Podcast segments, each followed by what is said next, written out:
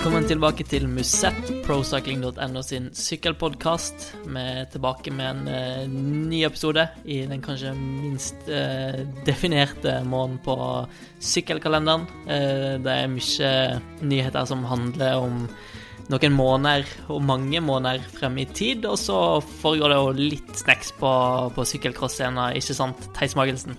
Ja, det er eh, en litt sånn vanskelig måned å være sykkelfan i. Men hvis du, hvis du graver litt, så finner du noe gull allikevel. Det er som du sier, sykkelcross, uh, sykkelcross eller cyclocross-scenen er uh, virkelig i gang.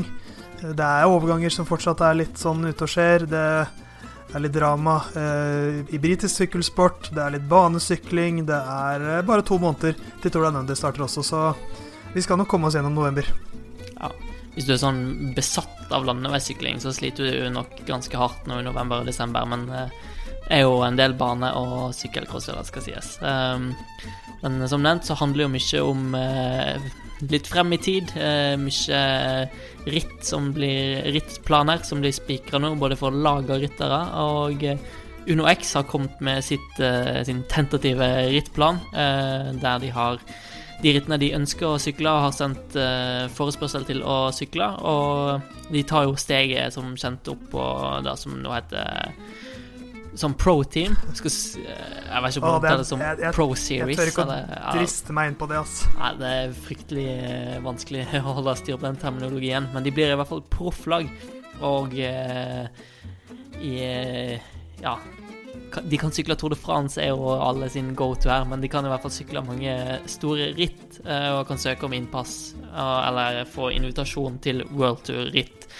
Eh, når det foreløpig bare ett ritt de ønsker å sykle i World Touren foreløpig neste år, og det er kanskje et fint ambisjonsnivå å legge seg på foreløpig, Theis?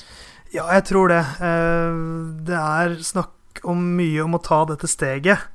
Men det er veldig stor forskjell på eh, Conti-lagene også, pro-Conti-lagene også. Eller pro-team-lagene, eller hva vi skal kalle det. Det som i år har vært pro-Conti-lag. Uh, man kan jo sammenligne liksom de største med, med Israel Cycling Academy og, uh, og Coffeedis og de, de, liksom virkelig store kanonene. Og så har du også litt mindre lag som Novo Nordisk, som er sportslig sett på et helt annet nivå, men um, sånn juridisk sett på samme nivå. Så jeg tror det er lurt at de på en måte ikke vet, tror at alt skal bli gull og grønne skoger med en gang. Men uh, at de kanskje sikter seg ut noen av de litt uh, mindre World Tour-rittene, men samtidig uh, finner seg noen litt større sånne Det som da i år var to HC-ritt, som neste år vel blir pro-ritt. blant annet da sånn som sesongstarten de håper å få, som jo er Volta og Al Algarve. og det er jo et, et kjemperitt. Der var det jo noe sånt som tolv World Tour-lag i år, tror jeg. Så hvis de får mm. innpass der, bare, bare, det å få den starten, vil jo være en kjempetest. Ja, det er veldig mange gode ryttere som sykler. Det var jo Tadej Pogacar som vant i år, vel? Hvis jeg ikke husker feil. Holdt med nummer to. Det var riktig. Søren Krag Andersen nummer to. Ja. Eh, veldig høyt eh, nivå der. Eh, mange gode klassikerryttere som annet eh, sykler der. Eh, og eh, vi har jo sett eh, For oss som ser på Eurosport, så har vi jo fått rikelig med anledning til å se UnoX i ganske mange ritt, og jo Tour of Norway og Arctic Race og sånt òg. Eh, nå de, har de søkt om innpass i 85 ritt neste sesong, og det er jo veldig mye eh, store ritt som nevnt, og veldig mye anledning til å se dem på, på, på TV. Det er jo kjekt. Ja, og så kjører man jo alltid litt sånn de, de, vet jo at de kommer ikke til å få innpass i alle. Uh, så man kjører jo litt sånn pro cycling manager-taktikk, som jeg også ofte gjør når jeg spiller. At når jeg kjører pro-kontinent, bare send, send, håp til alle, så får man noe. Uh, for det er liksom Algarve første rittet. Neste ritt de har på sin tentative plan, er Kyrne Brussel Kyrne. Uh, og i mars så har de Le Samy, de har Coxide Classic, Nocre Corse. så det er jo ganske kule rittet her. og hvis de da får ett av de tre, da så tenker jeg at da skal man jo være ganske fornøyd. Og så har de jo en del litt mindre ritt som de vet at her får vi sannsynligvis innpass. Så, så veldig spennende å se hva det blir til slutt. Men at vi skal få se dem eh, i dyst mot noen virkelig store stjerner, de aller, aller beste, det virker jo ganske åpenbart allerede. Mm.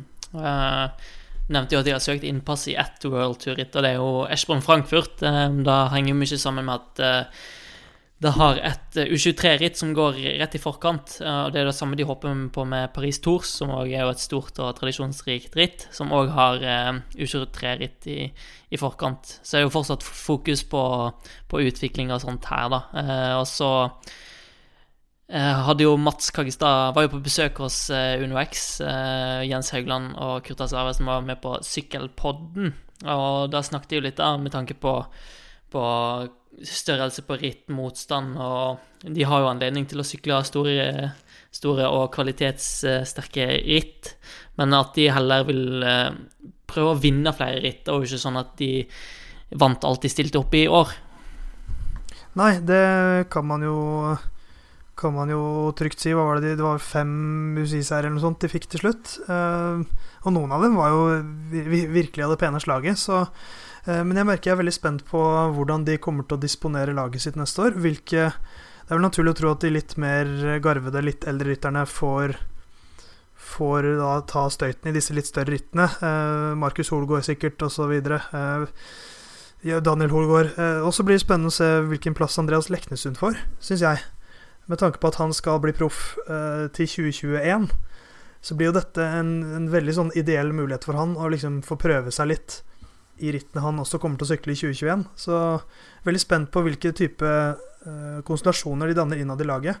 Uh, for det er jo fortsatt da Det blir, det blir kanskje litt mer todelt enn det har vært uh, tidligere. Det blir det. Det er nok en del doble program og, og sånt. Og så har de jo denne danskerbanden som skal fokusere på OL i Tokyo, bane der. jeg tror Jens Haugland sa på sykkelpodden at de danskene skulle være disponible til landeveisritt mellom eh, mars og juni, tror jeg. Og ellers så skulle de fokusere på bane, da. Men eh, de har jo en del kvalitet der. Og Niklas Larsen, det er riktig sant? Uh, Niklas Larsen er ikke så dum, han. Han vant jo ja, Danmark Rundt. Jeg bare tenkte på navnet. Jeg bare blander de der Det er jo Madsen og Hinskaul og Madsen her og Madsen der og Om det var Niklas Larsen han het. Ja, eh, Niklas Folsak Larsen, tror jeg er hans fulle navn. Men disse danskene eh, er alltid usikker på om bruker, eh, hvilket navn de bruker. Om han egentlig heter Niklas Folsak eller Niklas Larsen. Eller hva han liksom bruker. Sånn som. Mikael Wahlgren. Ja. Men det er, det, men det er, klasse, det er klasseryttere de har i de danskene. Det har vi jo vært innom litt tidligere også. Det, det skal bli veldig spennende å se, se dem på, på landeveien. Uh, og så vil jeg tro at de også kanskje vil være disponible på høstparten etter OL. Ja, antar det. Skulle man vel tro at da skulle, skulle rett fra Tokyo og til Danmark rundt for å prøve å forsvare der. Ikke sant. Så i, i, det hele tatt, det blir uh, veldig spennende. Så lurer jeg også på Jeg er jo personlig veldig spent på Daniel Holgaard. Når jeg tross alt er norsk, så merker jeg at jeg håper jo heller at de nordmennene i dette norske laget klaffer, at det klaffer dem. Uh, så rittprogrammet til Daniel Holgaard merker jeg er veldig spent på. Uh, om, han, om, de lar han prøve seg litt mindre ritt for å kanskje finne vinnerfølelsen igjen. Eller om, altså, han, om liksom han skal til de store med en gang. Det er jo gode muligheter fra starten av da, i Paris, tror jeg. Og Bredene Kokseide, Nokere Korset. Det er jo ritt som eh, har en tendens til å ende i massespurt Eh, eventuelt reduserte massespurter. Da. Så det er jo gode muligheter for å få en pangstart allerede fra mars av. Jeg håper det. Eh, at han kan bare få lov til å spurte igjen. Så er det lov å håpe at han får en slags Marco Comp-sesong. Eh, for de som tar den referansen. Han har jo svevd litt sånn mellom World Tour og Conti-nivå ganske lenge. Men han hadde en sesong, var det i 2015, hvor han vant noe sånt Han vant noe vanvittig meritt etter at han hadde gått ned til Adria Mobil igjen. Uh, og det, det, var ikke måte på hvor mye han vant, så gikk han opp igjen, og så gikk ikke det så bra. Uh, men jeg får håpe at uh, Holgaard får en kompsesong, og at han fortsetter å vokse videre på det, og ikke, ikke blir som komp, at han bare svever sånn mellom hele tiden. Adria Mobilia har vel hatt litt sånn connections til han Adalas-legen som røyk i baret der. Ja, det er, det er mulig, det. Uh, det skal ikke jeg si for sikkert. Men, uh, men uh, jeg, jeg, tror uansett hva han har tuklet med, jeg skal ikke drive og så noe tvil, så tror jeg at Komp sitt nivå er litt sånn ja. mellom de to nivåene. Um, apropos spurter, så er det en fin overgang til en annen spurter. Kristoffer eh, Halvorsen. Du snakka med han i går, Theis? Ja, på lørdag kveld, lørdag kveld. var det vel. Uh, ja, uh, han har jo også en, en veldig spennende 2020-sesong foran seg. Um, det, han blir å finne på worldtour-nivå i EF Education i et lag som uh, ifølge Jonathan Water skal bygge opp spurtsatsingene sine litt igjen. For de har jo hatt noen sånne litt sånn sovende spurtere i Sasha Modolo, i Dan Maclay, uh, Moreno Hoffland. Hoffland har vel ikke vunnet noe på tre år, eller noe sånt, tror jeg. Mens Modolo og Maclay pluk har plukket noen seire her og der. Uh, Modolo og, og Maclay er borte. Hoffland er igjen. jeg tror ikke han kommer til å gå foran Doffen en eneste gang i spurt i kampen om spurtronen i det laget, så han er ganske klar eh, bankers på topp der. Og eh, har fått et veldig spennende vårprogram.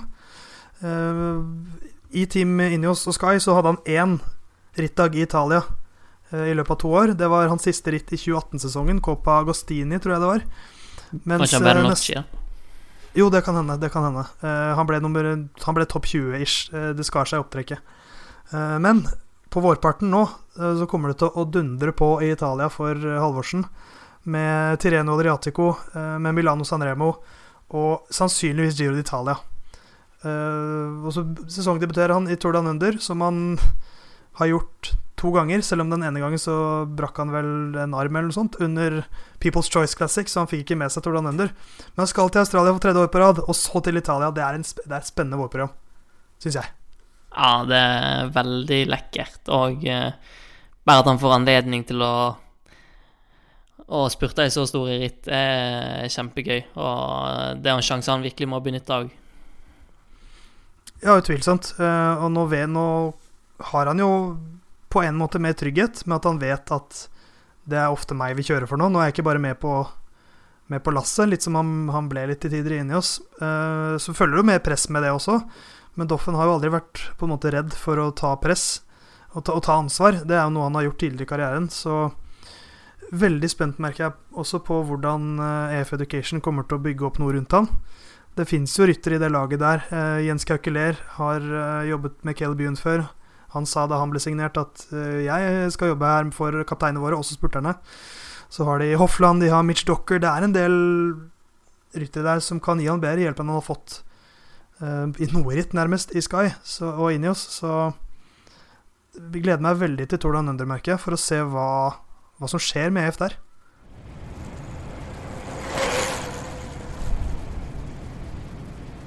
Er det én ting som er sikkert i sykkelsporten, så er det at det aldri kan være helt stille rundt Team Sky.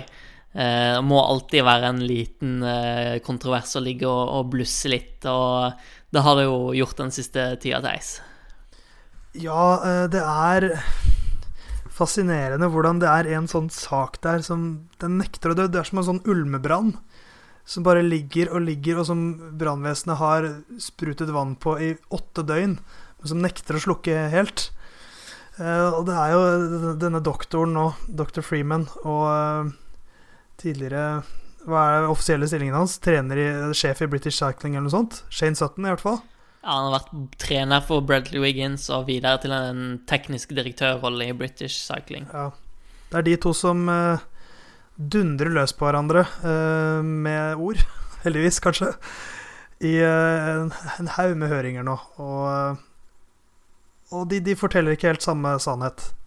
Nei, på ingen som helst måte. Det her er jo en videreføring av den uh, Jiffy Bag-saken som var oppe i med brit britisk antidoping og uh, hos uh, britiske parlamentet, uh, som nå det som heter General Medical Council, GMC, har tatt videre. Og de er jo de som fører offisielle register over leger i Storbritannia, Så nå skal vurdere om Richard Freeman skikker eller ikke til å ha lisens til å drive med legevirksomheter.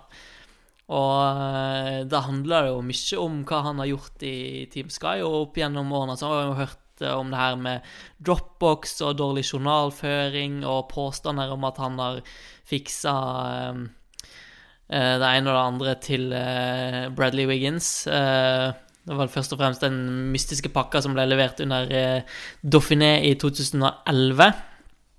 Eh, og eh, allerede før saken, eller på første dag av saken, så innrømte jo Freeman 18 av de 22 påstandene som var, var lagt ned mot han.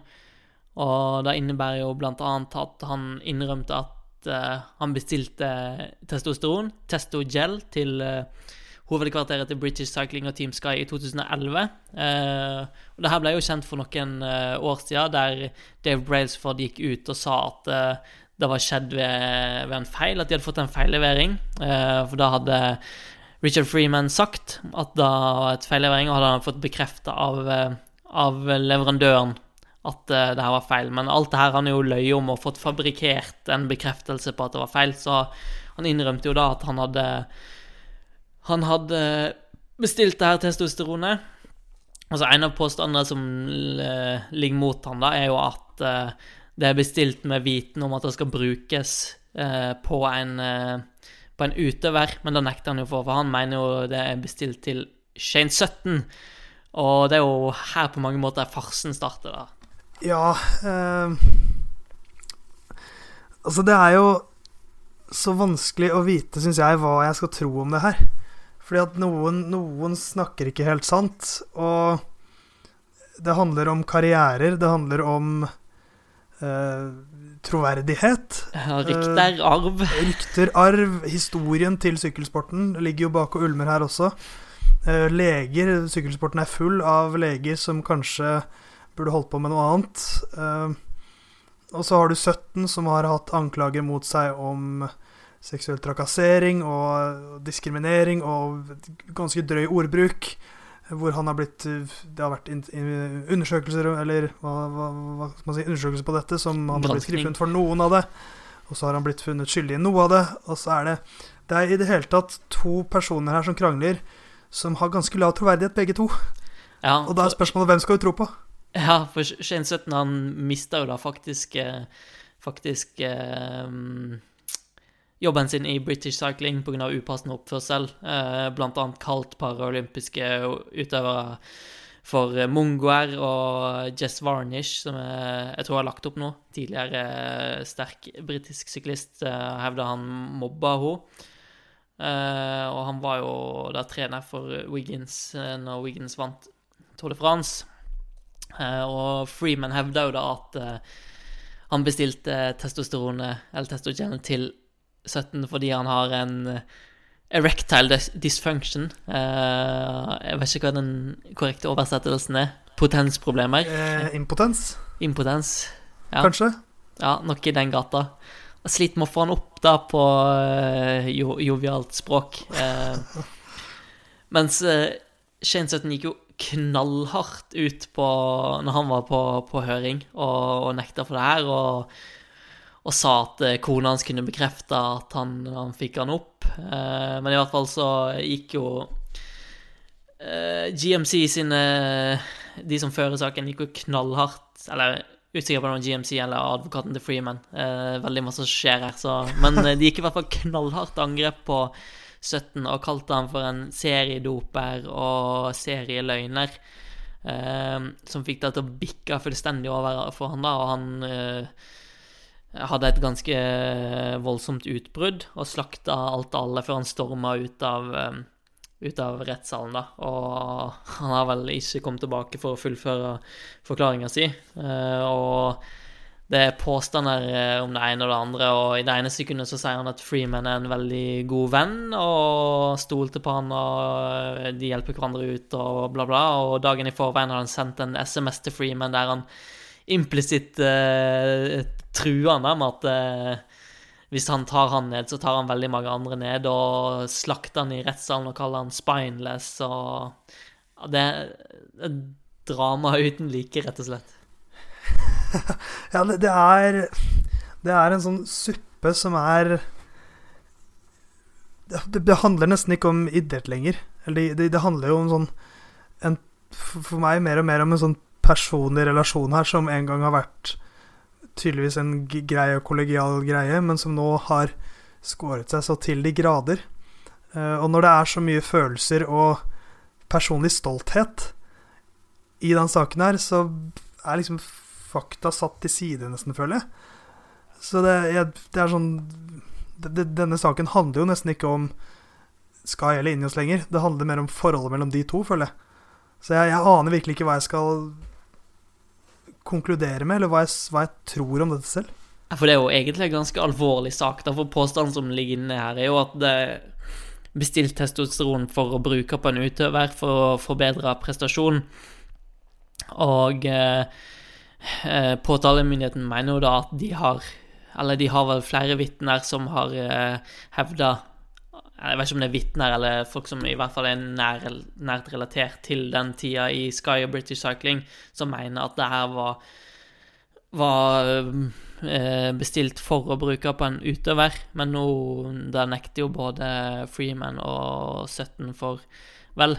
Eh, men ja, det er jo en ganske alvorlig sak, selv om det nå har gått bort fra eh, sykkelinstitusjoner da, over i legene sin, sin, verden, så er det fortsatt en ganske, ganske alvorlig sak hvis det skulle komme frem gjennom eh, vitnebyrder at Sky faktisk har Eller noen i Sky har brukt det her, bestilt det her for å bruke som doping, rett og slett.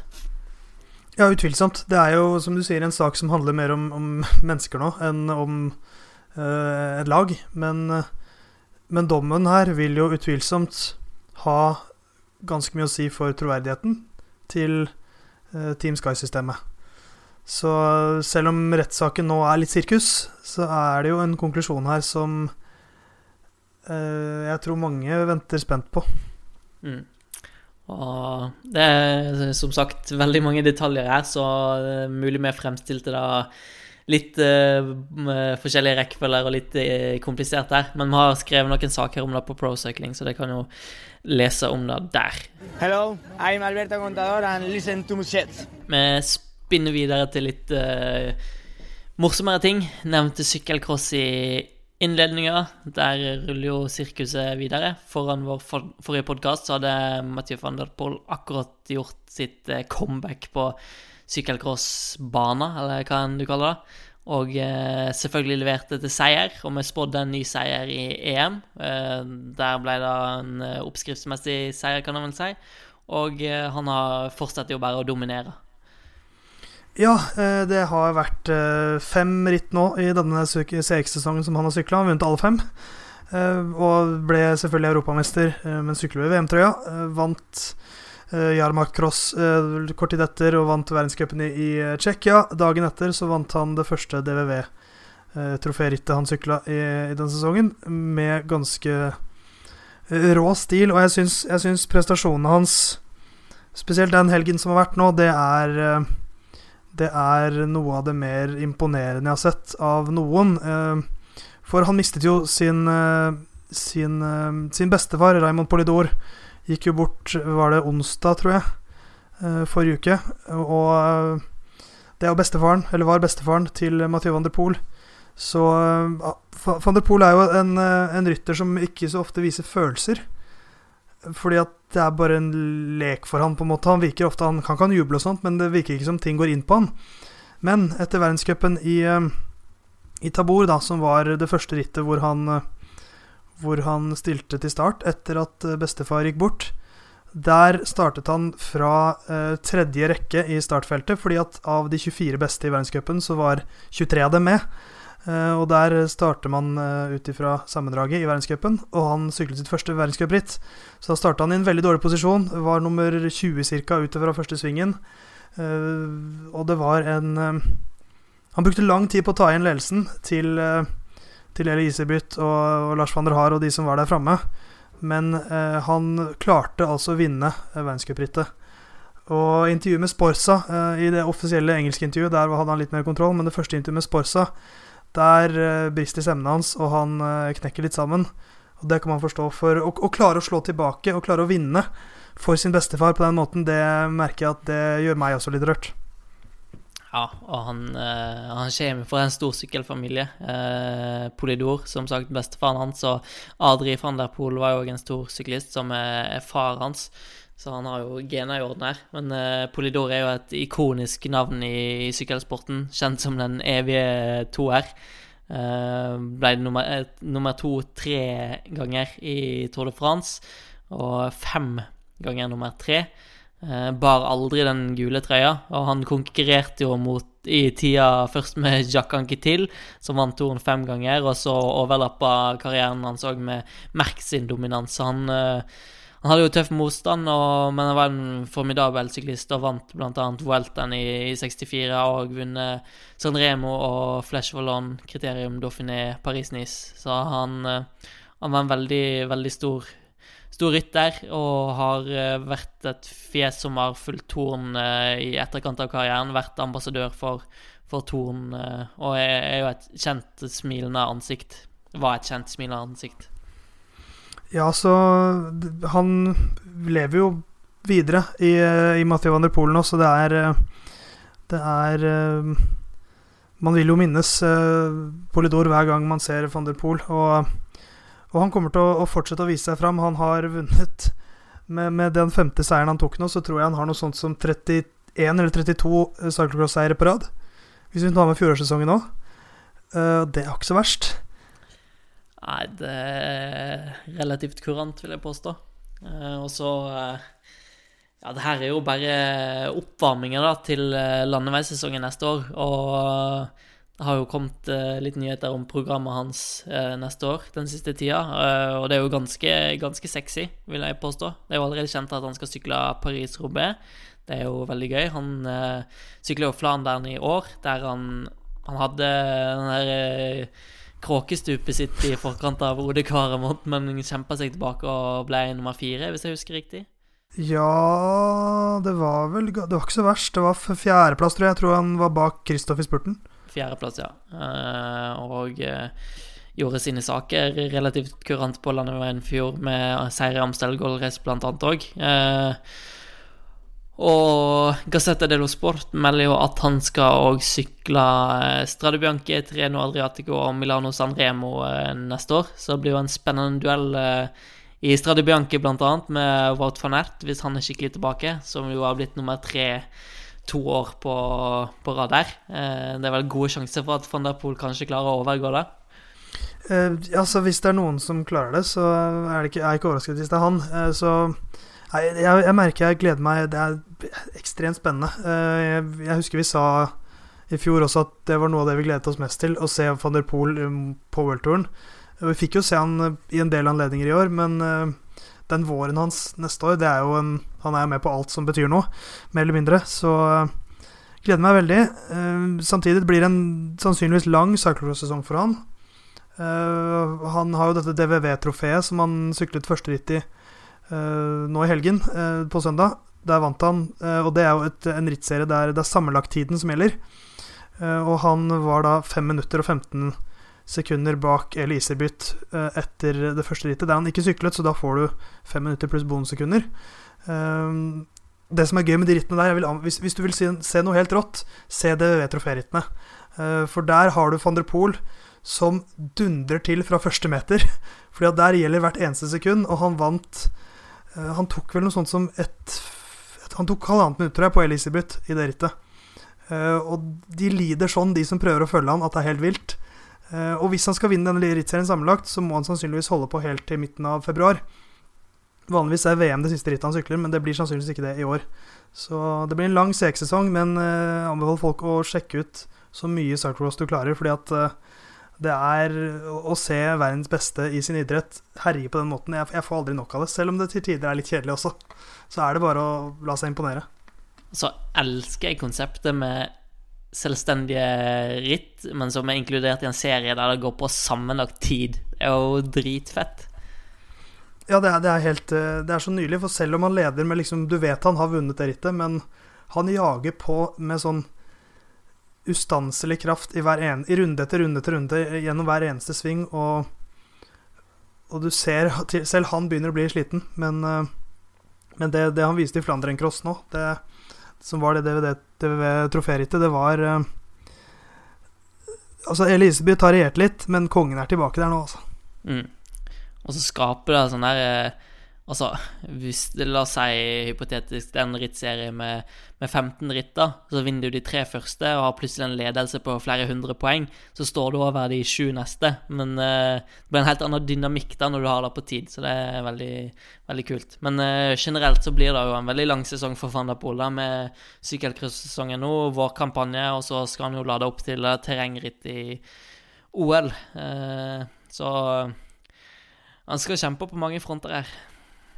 Ja, eh, det han jo gjør som er litt annerledes, på en måte, er jo at han har bare snudd sesongen sin litt, nesten. Altså, eh, etter Amstel Gold Race i, eh, i, fjor, så Nei, i år, så syklet han jo ikke et landeveisritt før Arctic Race. Var riktignok litt terreng og sånt i midten der, men men Bare tok et par rolige verdenscupseiere på Ja, det er sånn som han kan gjøre, og det er sånn er du best, så er du best. Mens de, de aller fleste i, i sykkelsporten så er det jo litt rart å ikke ha noen mål om sommeren. Veldig mange har jo det. Men uh, jeg tror nok han Han har sagt etter mange av disse segerrittene så langt at han har ikke følt seg så veldig bra. Uh, så det tyder vel på at han kanskje ikke er i toppform nå. Uh, og jeg tror rett og slett det bare er veldig god trening også. Jeg er Carl Fredrik Hagen, syklist på Lotto Sodal, og du hører nå på podkasten Musett. Dagens episode av Musett drar seg mot slutten, men vi har ikke glemt ja, to av spaltene våre. da. Vi, den norske sykkeluka baker vi litt inn i hele episoden, men vi skal fortsatt dele ut et rødt startnummer. Uh, men først, Knut, skal du dele ut en rød lanterne. Yes. Uh, det var egentlig ikke helt tida på året for det. for lagene sine nye drakter kommer vel gjerne rundt nyttår, eller rett over nyttår, stort sett. Men uh, det som er Dimension Data i år, og blir uh, Team NTT neste år, de har allerede sluppet sine drakter. Og uh, Edvald Boasson og Rasmus Tiller sitt lag har jo en ganske solid draktsponsor i Asos, som lager fantastisk gode klær. masse stilfulle klær. Men jeg må si de har bomma litt med ei ganske lite lekker drakt til NTT neste år. Eh, svart i, ned mot midja og svart på ermene, og fade over i en blåfarge som dekker resten av drakta.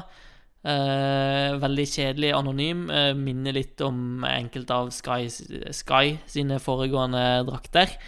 Eh, og eh, Altså, Dimension Data har jo hatt en veldig klar identitet mot det her Quebeca-prosjektet og sånn tidligere. Har hatt drakter som skilte seg ut.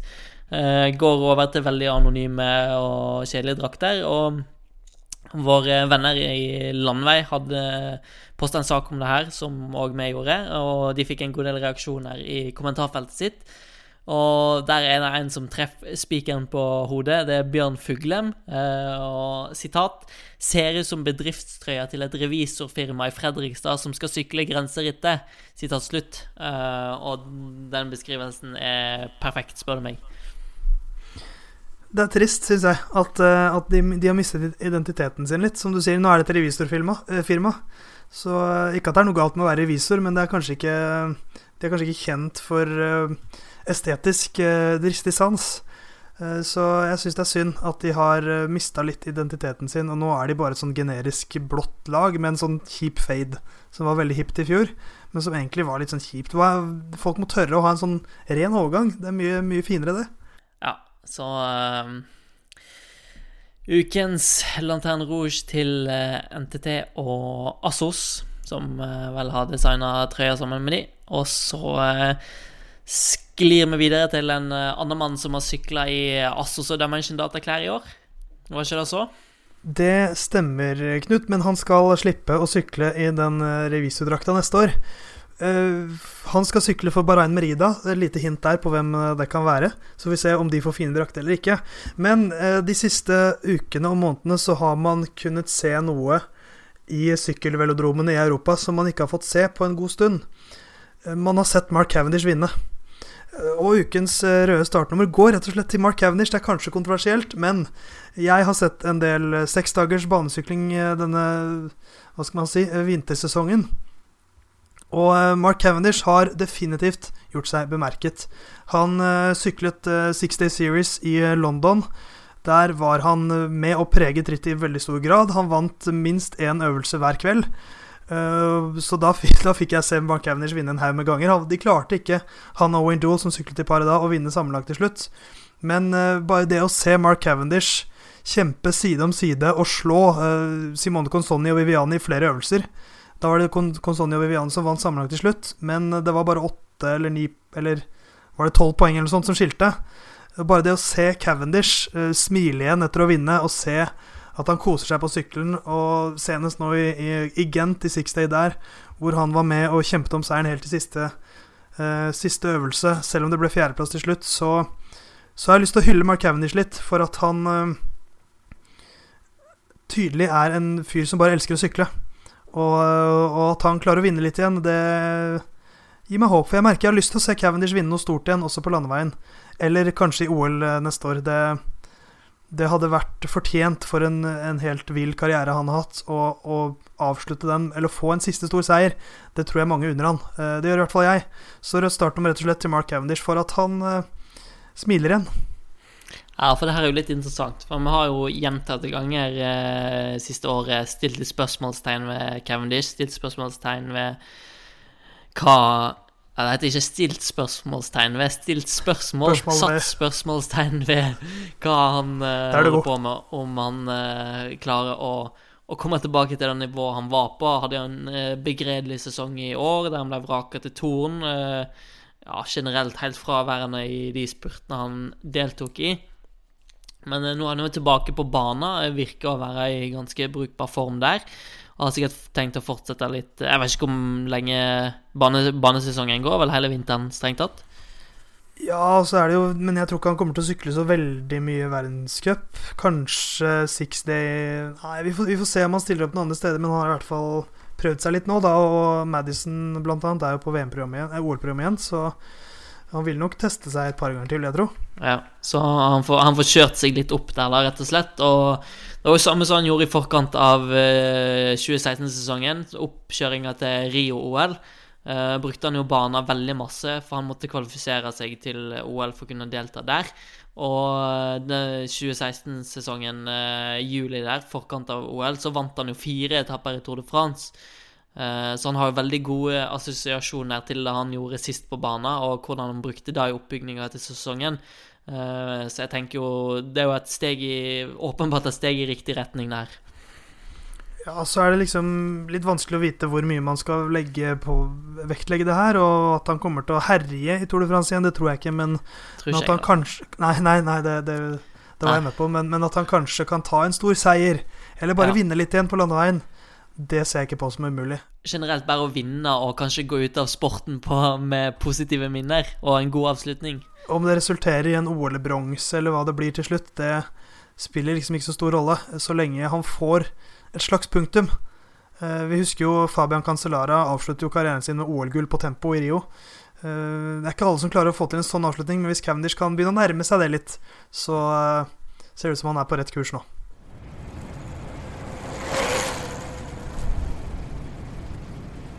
Da går eh, denne ukens episode mot slutten.